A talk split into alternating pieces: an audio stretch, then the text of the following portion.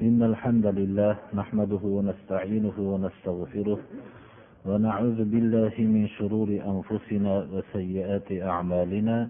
من يهده الله فلا مضل له ومن يضلل فلا هادي له. وأشهد أن لا إله إلا الله وحده لا شريك له وأشهد أن محمدا عبده ورسوله. أما بعد السلام عليكم ورحمة الله وبركاته.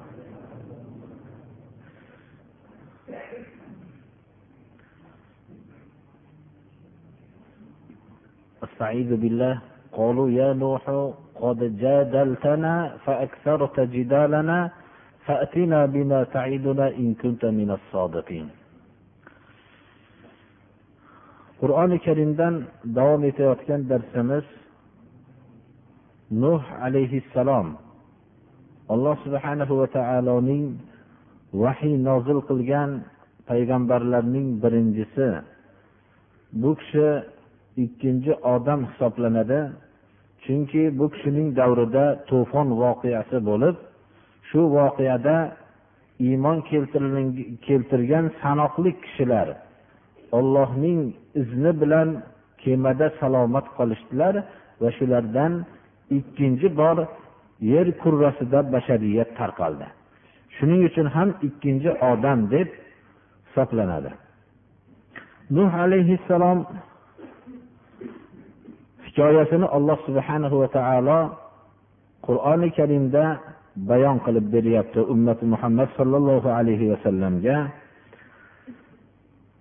nuh alayhissalomning avvalgi darsimizda biz o'rgangan edikki o'zlarining qavmlarini tavhidga da'vat qilganliklarini ularning ijobat qilmasdan bu kishiga rad javobini berishganligini shu vaqtda ular iymon keltirgan kishilarni saroy odamlari bularni haydab yuborgin keyin biz senga ergashamiz deb aytgan voqealarni o'rgangan edik. Nuh alayhissalom ularga javoban sizlar o'lchayotgan o'lchov bilan alloh subhanahu va taoloning jo'natgan risolati odamlarni o'lchamaydi. Odamlarning davlat yo qaddi qomati bilan yo ularning qarindosh urug'lik bo'lishligi bilan bu o'lchashlik yo bir millatdan bo'lganligi bilan o'lchashlik bular johiliy o'lchovlar. Alloh subhanahu va taolo yuborgan risolat egalari bu o'lchov bilan tarixda ham o'lchashgan emas mutlaqo biror bir risolat yo'liga iymon keltirgan haqiqiy mo'minlar kishilarni bu o'lchov bilan o'lchagan emas bu kishi ularga javob aytib agar men bu iymon keltirgan kishilarni oldindan haydab yuborsam alloh subhanahu va taoloning huzurida zolimlardan bo'lishligimda shak shubha yo'q deb ularga javob qilganliklarini o'rgangan edik. Odatda bir kishi bir haqqa chaqirsa odamni u haqni bilan ba'zi bir kishilar munozara qilib ko'radi. Munozarada mag'lub bo'lgandan keyin ularni bu haqqa unamaslik yomon oqibatga olib kelishligi qattiq azoblarga duchor qilishligi bilan ogohlantirilganda xuddi mana shu nuh alayhissalomga ergashmagan kishilarning bergan javobini u ham beradi. Bu johiliyat qiyomatgacha bir xildir birodarlar. Nuh alayhissalom ularni ogohlantirgan edilarki agar bu risolatni olloh tarafidan olib kelingan bu yo'lni qabul qilmasanglar qattiq bir azobga duchor bo'lasizlar deb ogohlantirgandilar. Ular aytishdiki ey nuh deyishdi. Biz bilan ko'p munozara qilding ko'p tortishding. Juda bu tortishlikni juda uzoqlashtirib yubording. Shu aytgan azobingni olib keldi işte agar sodiqlardan bo'lsang qo'y bu gaplarni shu azobingni olib kel deydi. Hozirda ham oxiratda qattiq azob bor. Ollohning farzlarini o'ting. Ey birodar shu ishni qiling desa qo'y sen ana shu jannatga sen kiraver biz shu jahannamga kiraveramiz deydi. Hozirda ham shu so'zni aytadi. Payg'ambarlar azob olib kelishlik uchun payg'ambar qilib jo'natilgan emas. Bu kishi javob berdilarki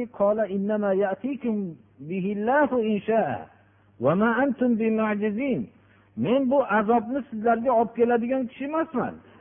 bu azobni sizlarga olloh olib keladi agar xohlasa ammo azobni olib kelgan vaqtda sizlar ollohni ojiz qiluvchi emassizlar ya'ni bu azobdan qutuluvchi emassizlar ولا ينفعكم نصحي إن أردت أن أنصح لكم إن كان الله يريد أن يغويكم هو ربكم وإليه ترجعون meni nasihatlarim sizlarga manfaat bermaydi. Agar men sizlarga nasihat qilmoqchi bo'lsam alloh subhanahu va taolo sizlarni adashtirishlikni xohlagan bo'lsa mening nasihatim mutlaqo sizlarga manfaat bermaydi. Alloh subhanahu va taolo insonni xohlasa ham xohlamasa ham hidoyat qilishlikni iroda qilmadi hidoyatni inson qalbidagi tashnalikka mukofot qilib berdi. Alloh subhana va taolo hidoyat qilishlikni qalbida hidoyat tarafiga talpingan kishilarni hidoyat qilishlikni xohladi. Talpinmagan hidoyatni xohlamagan kishilarni olloh hidoyat qilmasligini xohladi. Men ming nasihat qilganim bilan sizlarni olloh hidoyat qilmaslikni xohlagan bo'lsa meni nasihatim foyda bermaydi u olloh sizlarning rabbiylar shu ollohni huzurigagina qaytarilasizlar deb ogohlantirdilar. Alloh subhanahu va taolo takror aytamizki insonlarni hayotini ikkiga bo'ldi. Bir qismi majburiy hayot. Xohlasa ham shunday yashaydi xohlamasa ham shunday yashaydi. Xohlasa ham qulog'i bilan eshitadi xohlamasa ham. Xohlasa ham o'pkasi bilan nafas oladi xohlamasa ham. Xohlasa ham ko'zi bilan ko'radi xohlamasa ham ko'zi bilan ko'radi. Bu hayotda inson boshqa mavjudotdan farq qilmaydi. Ammo uning ikkinchi hayotining qismi ixtiyoriy hayot. Alloh subhana va taolo insonni mukarram qildida o'zining mavjudotini ichida hech qaysi bir maxluqqa bermagan ixtiyor sifatini berdi. Bu xohlashlik ixtiyor qilishlik sifati. Mana shu sifat bilan alloh subhana va taolo mukarram qildi odam avlodini. Shu ixtiyor sifati bilan inson hidoyatga talpinadi. Olloh tarafidan hidoyat keladi. Shu ixtiyor bilan badbaxtlikka talpinadi. Olloh tarafidan shaqovat unga keladi. Mana bu ixtiyor sifati bilan qiyomatda javob beradi. Shu ixtiyori bilan zalolatni tanlaydi hidoyatni tanlaydi. Alloh subhana va taolo xohlaganda hammani hidoyatli qilib yaratgan bo'lardi lekin buni xohlamadi. Insonni bosmaxonadan chiqadigan kitob bo'lishligini xohlamadi. Bir xilda nusxada chiqaveradigan bo'lishligini xohlamadi. Insonni eshakka boshqa hayvonlarga o'xshagan g'arizasi bilangina yuradigan bo'lishligini xohlamadi balki unga ixtiyor sifatini berdi.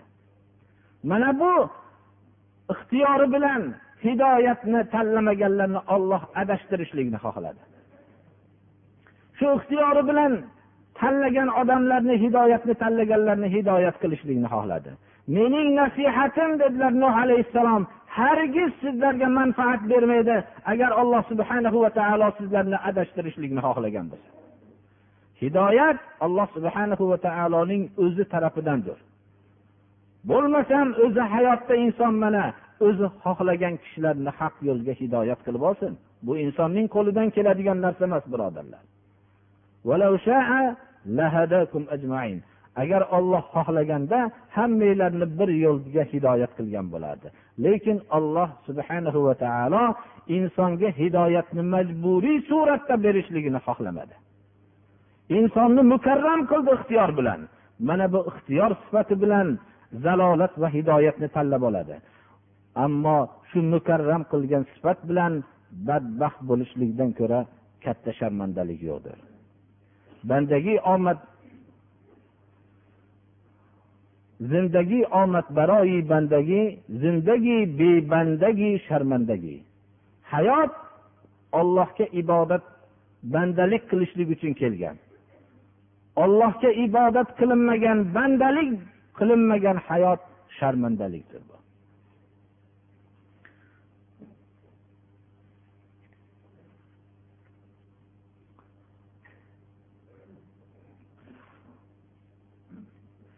qur'oni karimda nuh alayhissalomning qissasi kelayotgan o'rinda alloh subhanahu va taolo birdan makka mushriklariga bo'lgan xitob qilinib ularning rasululloh sollallohu alayhi vasallamni qur'onni o'zi to'qib olgan degan davolarni zikr qilib o'tadi. Yoyinki muhammad alayhissalomni qur'onni o'zi to'qib olgan deyishadimi bu makka mushriklari? Bu bo'xton to'qib olish to'qima gaplar bular ijrom bu jinoyat bu. Bu gunoh bu. Agar men to'qib olgan bo'lsam buning gunohi menga va ana sizlar bu ijrom meni haqqimga qilayotgan bo'xtondan men pokman deb ayting ey muhammad alayhissalom deb alloh subhanahu va taolo mana bu qissaning o'rtasida bu narsani zikrini aytib o'tib ketyapti. Ey makka mushriklari muhammad alayhissalomga bo'xton qilayotgan ey mushriklar nuh alayhissalomga bo'xton qilib u kishini yolg'onga nisbatlagan odamlarning ahvoli nimaga tushganligidan ilgari sizlar bu bo'xton qilishlikdan ehtiyot bo'linglar deganga ishora bo'lsa kerak allohu alam وأوحي إلى نوح أنه لن يؤمن من قومك إلا من قد آمن فلا تبتئس بما كانوا يفعلون nuh alayhissalom uzoq vaqt ollohni yo'liga da'vat qildilar iymon keltirgan kishilar iymon keltirdi Iymon keltirmaganlar keltirmadi. Iymon keltirganlar juda ham oz edi nuh alayhissalomga alloh subhanahu va taolo tarafidan vahiy qilindiki hargiz sizni odamlaringizdan iymon keltirmaydi magar shu iymon keltirganlar iymon keltirib bo'ldi. Endi siz beqaror bo'lmang ularning qilayotgan ishlari bilan. Ularning masxaralari ularning sizni sha'ningizga tuhmat qilayotganlari bilan beqaror bo'lmang.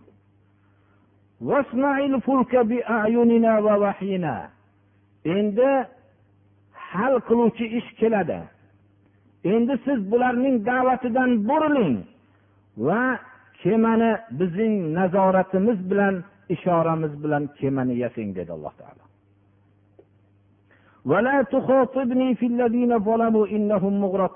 Zolimlar haqida menga xitob qilib ularning najoti haqida xitob qilmang. Chunki ular g'arq qilinajakdir ularning oqibatlari muqarrar bo'ldi. Ish tamom bo'ldi. Endi ularning haqida zolimlar haqida najoti haqida duo qilib xitob qilmang deb alloh taolo xitobdan man qildi. Alloh subhana va taolo nuh alayhissalomning kema yasayotgan holatini bizga tasvirlab beradi. Buni kema yasadi deb moziy siyg'asida keltirmasdan fulk muzore siyg'asida keltiradiki go'yoki ming yillar ming ming yillar ilgari nuh alayhissalomning kema yasayotgan holatini zamoni hol bilan bizning ro'baro'yimizga olib kelib beryapti nuh alayhissalom kema yasayaptilar.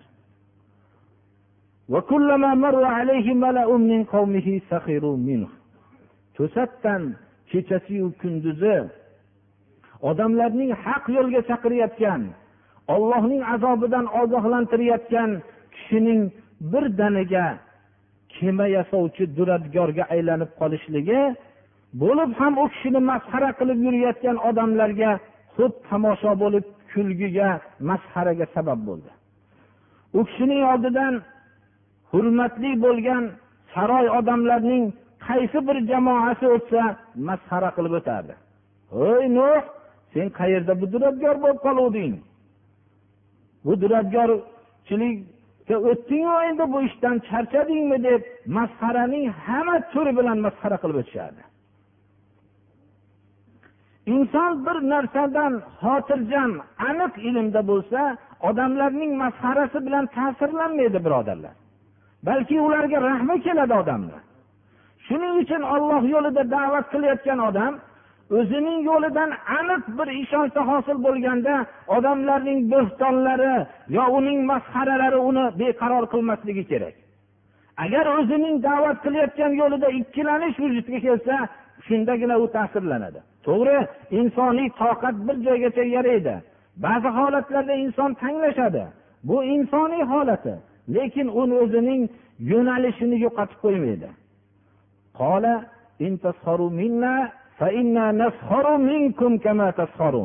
agar bizlarni masxara qilsanglar biz ham yaqinda sizlarni masxara qilamiz فسوف تعلمون من يأتيه عذاب يخزيه ويحل عليه عذاب مقيم bu kalima dalolat qiladiki bu kema yasayotganda shuni ichida shu bir hovuch odam salomat qolib biz yo'qolib ketar ekanmiz Yer yuzini suv olar ekan deb masxara qilgan so'zlari ham borligiga dalolat qiladi. Shunda ey sen qutulib biz azobda qolib ketar ekanmizda degan masxaralarga mana bu kalima dalolat qiladi. Shunda aytadilarki kelajakda bilasizlar sharmanda qiluvchi azob kimga kelishligini. Kimga bu davomiy azob tushishligini yaqinda kelajakda bilasizlar? deb shu so'z bilan kifoyalandilar. Bu bu so'z haqiqatda ham kelajakka ishonchi komil bo'lgan odamgina bu so'zni aytolashligi mumkin. So'zlarning iboralaridan xotirjam odamdan sodir bo'layotganligi bilinib turadi. Alloh subhanahu va taolo kema yasayotgan holatni uzoq davom ettirmaydi. Buni uzoq bayon qilmaydi. Qancha muddatda yasadi? Kema qanday shaklda bo'ldi? Alloh subhana va taolo o'zi biladi. Biz shuni bilamizki kema ollohning nazorati va ishorasi bilan bo'lganligini bilamiz. Chunki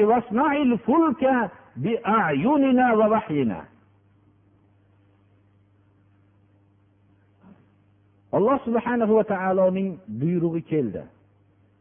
Bu buyruqqa alloh subhanahu va taolo nuh alayhissalomga alomat berdi. Bu alomat hech qachon suv bilan to'lmaydigan tannurning ichidan suvni qaynab chiqishligi edi. Odatda tannurda o't bo'ladi. Unda suv bo'lmaydi. Oyat bizga shuni bildiryaptiki nuh alayhissalomga bu baloning kelganligini belgisini alloh taolo bildirgan edi. Bu bildirgan belgi tannurdan o'tning o't chiqishni o'rniga suv chiqishligi edi. Tannur yerga o'rnatilgan bo'lsa shu yerni ichidan tannurning ichidan suvni chiqishligi edi. Mana bu baloning kelganligiga belgi edi. قل نحمل فيها من كل زوجين وأهل من كل من كل زوجين اثنين وأهلك إلا من سبق عليه القول وما آمن ومن آمن وما آمن معه إلا قليل bizni buyrug'imiz kelganda deydi alloh subhanahu va taolo ya'ni azob keldi tannur alomat ko'rindi tannur qaynab chiqdi shunda buyurdik deydi alloh subhana va taolo bu kemaga har bir narsadan ikkitadan juft olishlikka buyurdi har bir mavjudotdan juft juft olishlikka buyurdi va ahlaka va o'zingizni ahlingizni oling dedi alloh taolo. Lekin azob sazovor bo'lgan ahli bu odamlar bundan mustasno. o'zi oila a'zolaringizdan tashqari iymon keltirganlarni oling nuh alayhissalomga juda ozchilik iymon keltirgan edi وقال اركبوا فيها بسم الله مجريها ومرساها إن ربي لغفور رحيم alloh subhanahu va taoloning buyrug'i keldi olloh buyurdi kemaga mininglar. Ollohni ismi bilan bu kemaning yurishiyu to'xtashligi. Haqiqatda ham inson katta bir kema har qancha katta bo'lishligidan qat'iy nazar katta bir suvni ustida ketayotgan vaqtida bu inson agar katta bir to'lqinga duchor bo'lsa qo'lidan hech narsa kelmasligini mana bu yaxshiroq tushunadi. Bu kema nima qilolardi katta suvlarda? Alloh subhana va taoloning buyrug'i kelsa bir daqiqada shu kemayu hamma uning ichidagi narsalar yo'q bo'ladi. Yurishiyu to'xtashligi ollohni ismi bilan. Meni robbim gunohlarni kechiruvchi va rahmdil zotdir. Inson kemada ketayotgan vaqtda o'zining gunohlarini mag'firat qilinishligini va alloh subhana va taolo shunday katta suvda unga rahmdil zot ekanligini yana ham yaxshiroq tushunadi.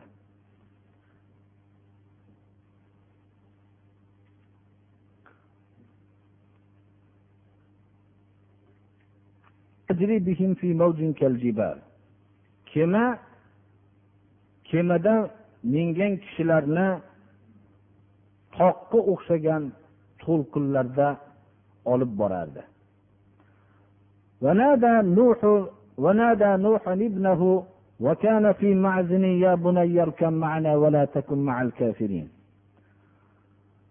alloh subhanahu va taolo mana bu holatda kema to'lqinda yurgizish soatida bularni olib borayotgan vaqtda nuh alayhissalomning o'g'illaridan bittasi kemaga chiqmasdan bir chetda qolgan farzandiga nido qilganligini bizga bayon qiladi. Bu bayon bilan insonning ahli kimlar ekanligi qiyomatgacha bo'lgan risolat yo'liga ergashgan kishilarning ahli oilasi kim ekanligini ham bizga namuna qilib beradi.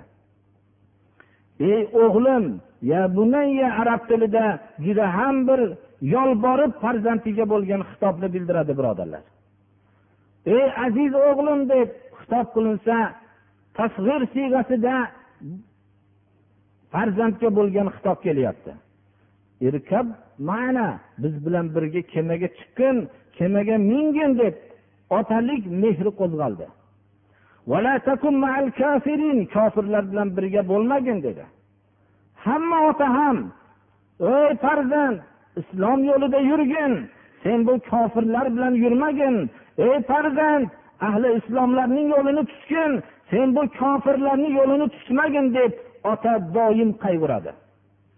U otaning alloh subhana va taolo qalbiga shunday mehr berganki dunyodagi hamma kishining gapirgan so'zi g'arazlik deb aytsak bo'ladi. Ammo otaning farzandga gapirgan so'zi beg'arazdir. Ota xato qilib gapirishligi mumkin. Ammo g'araz bilan gapirmaydi.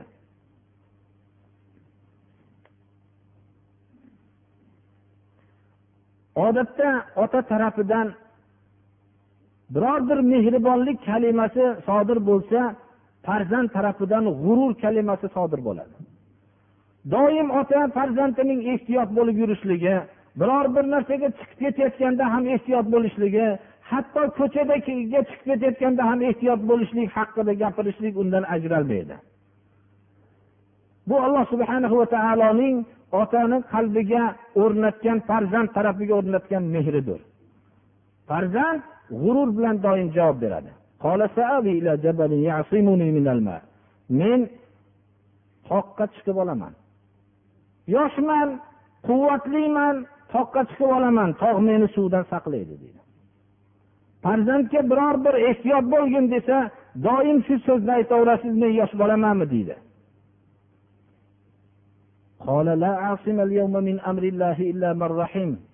Ota nuh alayhissalom bugungi voqeani haqiqati bilan bilardilar. Va aytdilarki bugungi kunda ollohning azobidan ollohning rahmati saqlab qolmasa boshqa narsa saqlamaydi dedilar. Tog' saqlaydigan kun emas bugun. Bugun balandroq cho'q saqlaydigan kun emas. Ollohning rahmatigina saqlaydi.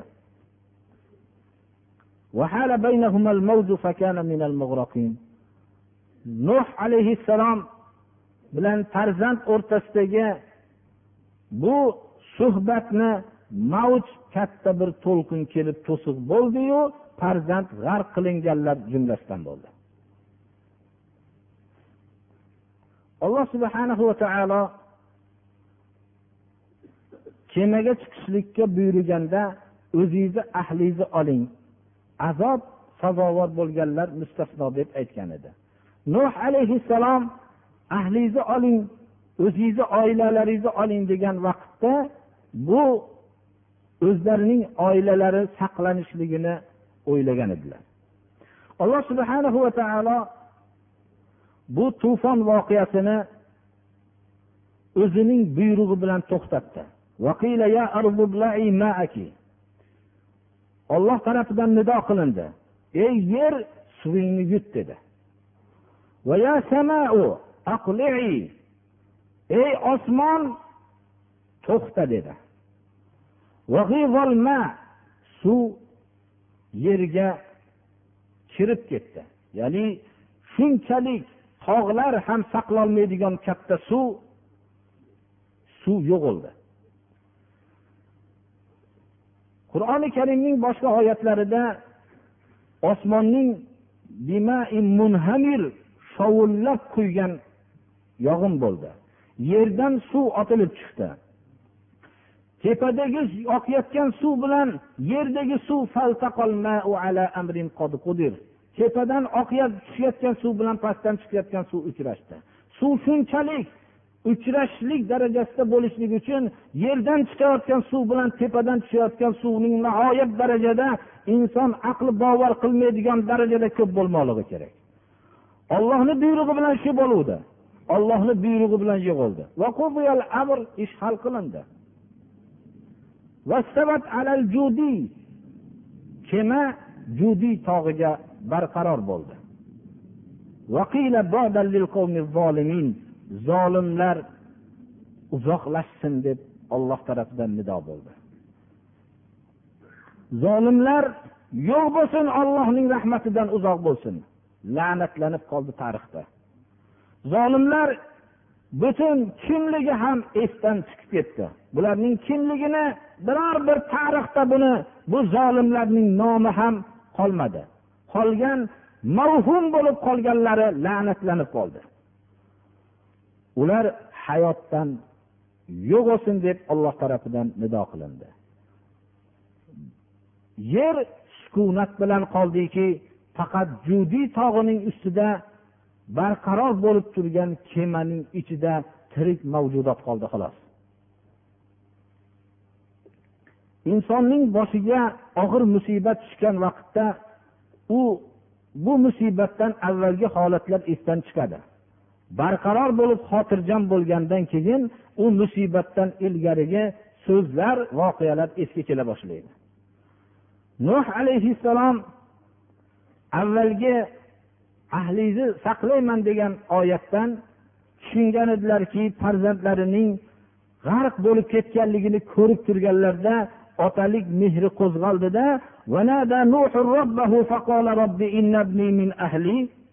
nuh alayhissalom robbiga nido qildi. Aytdiki nuh alayhissalom ey robbim farzandim o'g'lim meni ahlimdan edi. Seni va'dang haq. Edi ahlimni qutqarishlik va'dang haq edi hukm qiluvchilarning hokimisan sen. Alloh subhanahu va taolo tarafidan javob keldi. Bu javob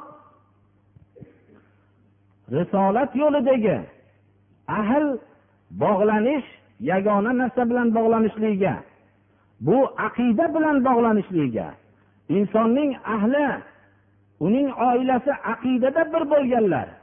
Agarki bir kishi mashriqda bo'lsayu ikkinchi kishi mag'ribda bo'lsa ikkovi sahih aqidada bo'lsa agarki hayotda ko'rishmasa ham ular bir oila a'zolari.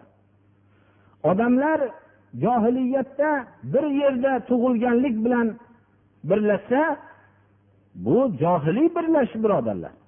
Bir joyda birlashayotgan odamlar bu bir joyda yashayotgan hayvonlar ham birlashadi. Boshqa hayvonlarga ular ham hujum qiladi. Lekin insonni alloh subhana va taolo bog'lanishligini sahih aqida bilan bog'lanishligini iroda qildi. Va bu haqiqatni alloh subhana va taolo o'zining ulug' payg'ambarlarining bittasida o'zini mujassamlashtirdi. Jiddiy javobni eshitdi. Ey nuh bu halok bo'lgan o'g'ling seni oila a'zoyingdan emas dedi. Qat'iy ta'kid bilan ey nuh deb xitob qilib aytdi alloh taolo. Innahu laysa min ahlik. Innay ta'kid bilan aytdi bu seni ahlingdan emas dedi. Innahu amalun g'oyru solih. Bu salohiyatsiz bir amal o'simta bu. Bu yarovsiz o'simta. Sendan unib chiqqan lekin bu salohiyatsiz unishlikka noloyiq o'simta bu.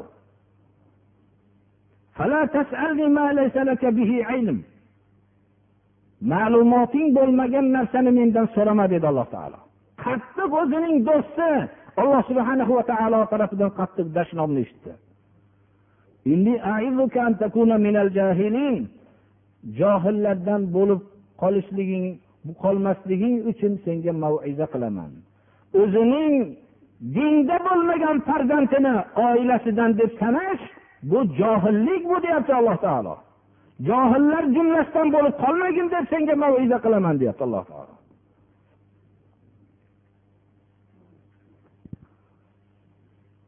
nuh alayhissalom قال رب إني أعوذ بك أن أسألك ما ليس لي به علم men sendan panoh istayman mening ma'lumotim bo'lmagan narsani sendan so'rashlikdan men nohaq narsani so'rab qo'yibman men o'zimdan tug'ilgan bolani aqidasi bo'lmasa ham najotini so'rab qo'yibman gunoh ish qilib qo'yibman deb alloh taologa nido qildilar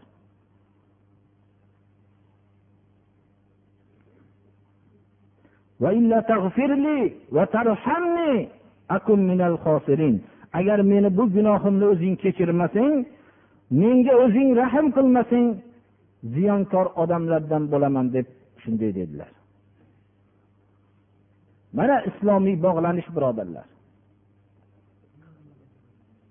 Alloh subhana va taolo buni ummati muhammadga hikoya qilib beryapti. Bu qissani alloh subhana va taolo ashobi ikromlar bu qissani eshitishdi.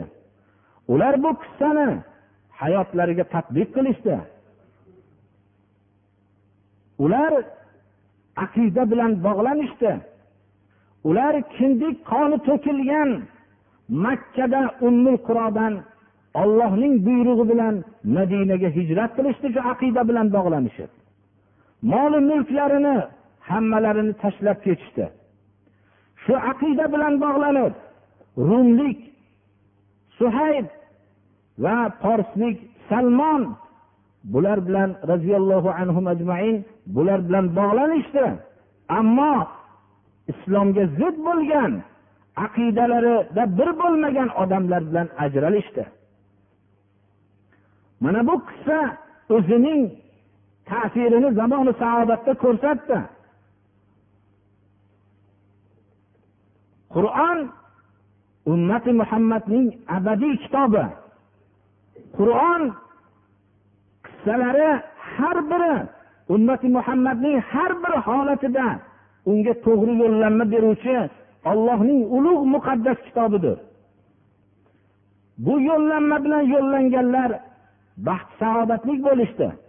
Va alloh subhana va taolo ularga hech qaysi bir millatga bermagan o'zining mukofotlarini berdi. Va u mukofotning asosiysi oxiratdadir.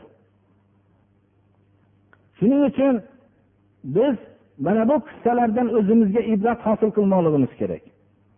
Alloh subhanahu va taolo tarafidan xitob qilindi ya minna. قيل يا نوح اهبط بسلام منا وبركات عليك وعلى أمم ممن معك وأمم سنمتعهم ثم يمسهم منا عذاب أليم ey nuh deb nido qilindi bizni tarafimizdan bo'lgan salomatlik bilan yerga qo'ning tushing sizga ko'p barakotlar bilan yerga tushing yer botqoq bo'lib turgan o'rinda olloh tarafidan bir barakot bo'lmasa birodarlar bir yashaydigan qayerga tushishlik noma'lum edi. Alloh subhana va taolo o'zining qudrati bilan judiy tog'iga qo'ndirdi. Va salomatlik bilan tushing dedi. Sizga ko'p barakotlar bilan tushing. Siz bilan birga bo'lgan ummatlarga ham kemadagi bir hovuchli ummat dedi alloh taolo. Balki ummatlar dedi. Chunki ularning har birlari ummat edi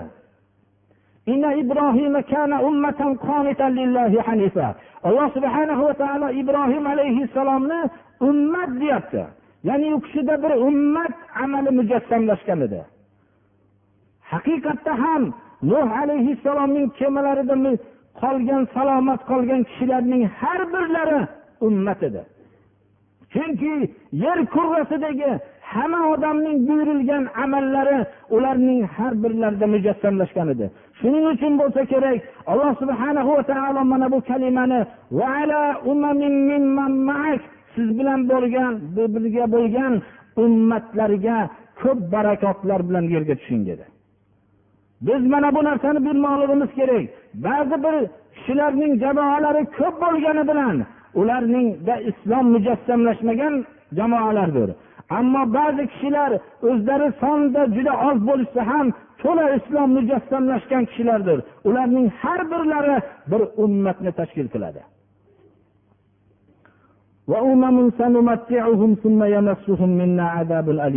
Undan keyin yana boshqa bir ummatlar vujudga keladi. Hali bularning avlodlaridan ularni ma'lum bir vaqt foydalantiramiz. Ya'ni yana shirklar boshlanishligi mana boshlanib ketgan edi keyin shu avloddan. Ularning ajdodlari iymon tavhid bilan salomat qolgan edi ularning avlodlari keyin yana ajdodlarining pokiza tarixini yo'qotishdida mushrik shirk amallari bilan bo'lgan kishilar bularni foydalantiramizda kelajakda. Keyin ularga bizni tarafimizdan qiyomatda alamlantiruvchi azob bo'ladi dedi. haqiqatda ham nuh alayhissalomning bu bilan birga qolgan ajdodlar bular hammasi tavhid aqidasi bilan salomat qolishuvdi keyingi avlod uni esdan chiqaradi birodarlar تلك من أنباء الغيب نوحيها إليك ما كنت تعلمها أنت ولا قومك من قبل هذا فاصبر إن العاقبة للمتقين alloh subhanahu va taolo bu qissani bayon qilib berganligini bu g'ayb qissasini bayon qilib beryapmiz sizga ey muhammad alayhissalom sizga vahiy qilib beryapmiz bu g'ayb xabarlaridan. Buni siz bilganmas edingiz siz bilan birga bo'lgan qavmlar odamlar ham bu qissani aytib berishligimizdan ilgari bilmagan edi. Sabr qiling bu makka mushriklarning ozoriga. Oqibat ollohdan qo'rqqan kishilarnikidir. Bu haqiqatda ham juda ham ollohning katta ne'mati edi. To'fon voqeasini buni bizga alloh subhana va taolo nechi ming yillardan keyin buning xabarini berishligi bu o'zining azaliy kalomida hech qanday shubhasiz bo'lgan xabarni bizga kelishligi va rasululloh sollallohu alayhi vasallam va ashoblarga kelishlari ular vositasi bilan bizga yetib kelishligi bu juda katta ne'mat edi. Birodarlar biz bunday ulug' xabarlarni bilishlikni qadriga yetmaymiz. Mana bir tekshirib ko'ring. Biror bir hozirgi vaqtdagi olimlar agar bir joyda bitta kichkina shahar bo'lganligini bilmoqchi bo'lsa shu yerdagi bir balandlik bo'lib qolgan bo'lsa shu yerda kavlab necha yillar necha yillardan keyin kavlagandan keyin bir o'tgan shaharning ba'zi bir qoldiqlarini topishadida hamma yoqqa yozuv chizuvlar bilan mana bu yerda bir kichkina shahar bo'lganligi bilan katta unvonlarga sazovor bo'lib boshqalar ham nechta odamlar shu yerda ovoragarchilik bilan shu narsaning xabari bizga ma'lum bo'ladi. Shu yetib borgan oqibat shuki shu yerda bir kichkina qishloq bo'lgan ekan xolos shu bir vaqtlar bo'lib vayron bo'lib ketgan ekan. Boshqa gap yo'q unga bizga hech qanday bir manfaat yo bir zarar ham bilmay qolsak hech qanday bir zarar ham bo'lmaydi.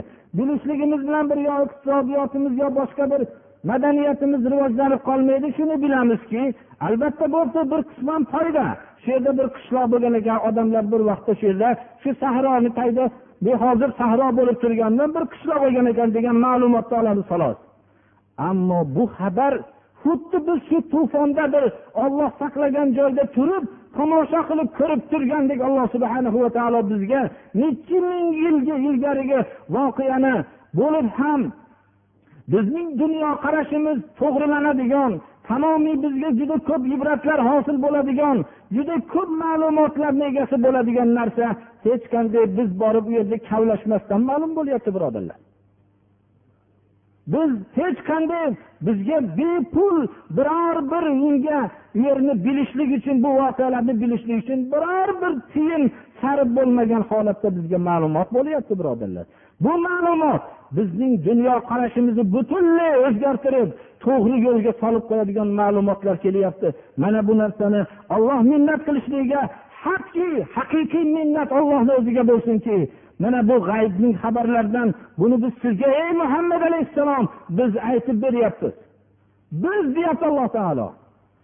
Bir insonga agar bir hurmatli bir kishi kelibdi biror bir so'z so'zlab berar ekan desa boshqa mamlakatdan kelgan bo'lsa hamma shunga jamlanib eshitishni xohlaydi olloh so'zlab beryapti bu hikoyani.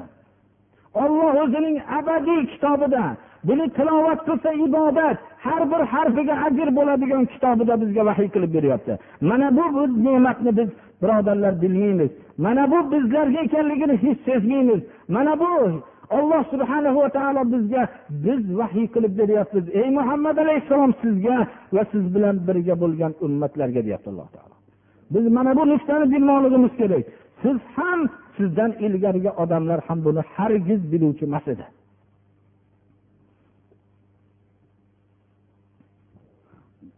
Ba'zi bir kishilar hozirdan bir oylarni hisob kitobini qilib borishlikni nima qilishyaptilar? Hozirgi gunohlarimizni mag'firat qilsin ibodatlarimizni alloh qabul qilsin o'tgan ajdodlarimizni alloh rahmat qilsin gunohlarimizni alloh taolo mag'firat qilsin farzandlarimizni solih solihalardan qilsin. Alloh subhanahu va taolo mazlumlarga alloh najot bersin. Alloh subhanahu va taolo islomga yordam berayotganlarga yordam bersin.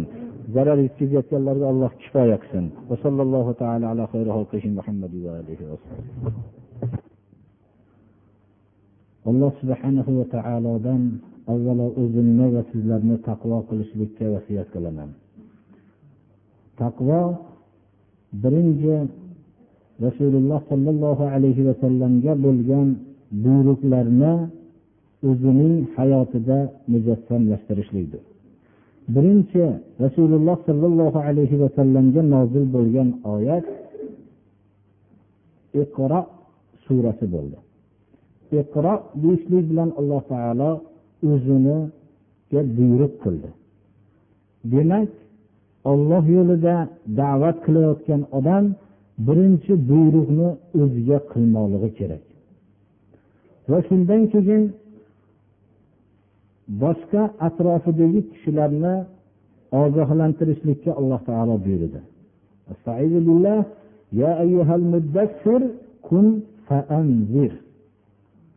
Ogohlantiring deb buyurdi alloh subhanahu va taolo ogohlantirdilar. Keyinchalik alloh subhanahu va taolo yaqin qarindoshlarni ogohlantirishlikka buyurdi.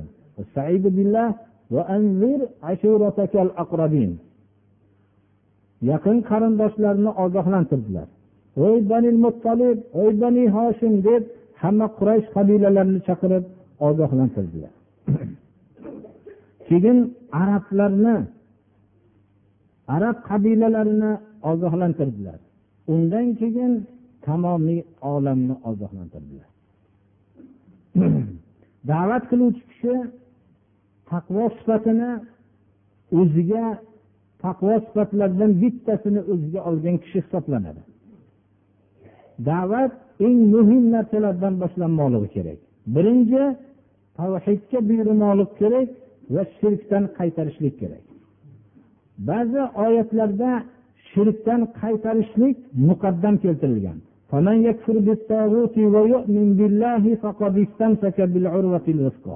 Demak birinchi tavhid barpo bo'lmaguncha shirkdan salomatlik barpo bo'lmaguncha kishining har qanday katta amallari ham habata bo'ladi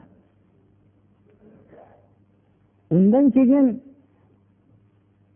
bid'atlardan qaytarilmoqligi kerak shariatda yo'q bo'lgan ishlarni qaytarilmoqligi kerak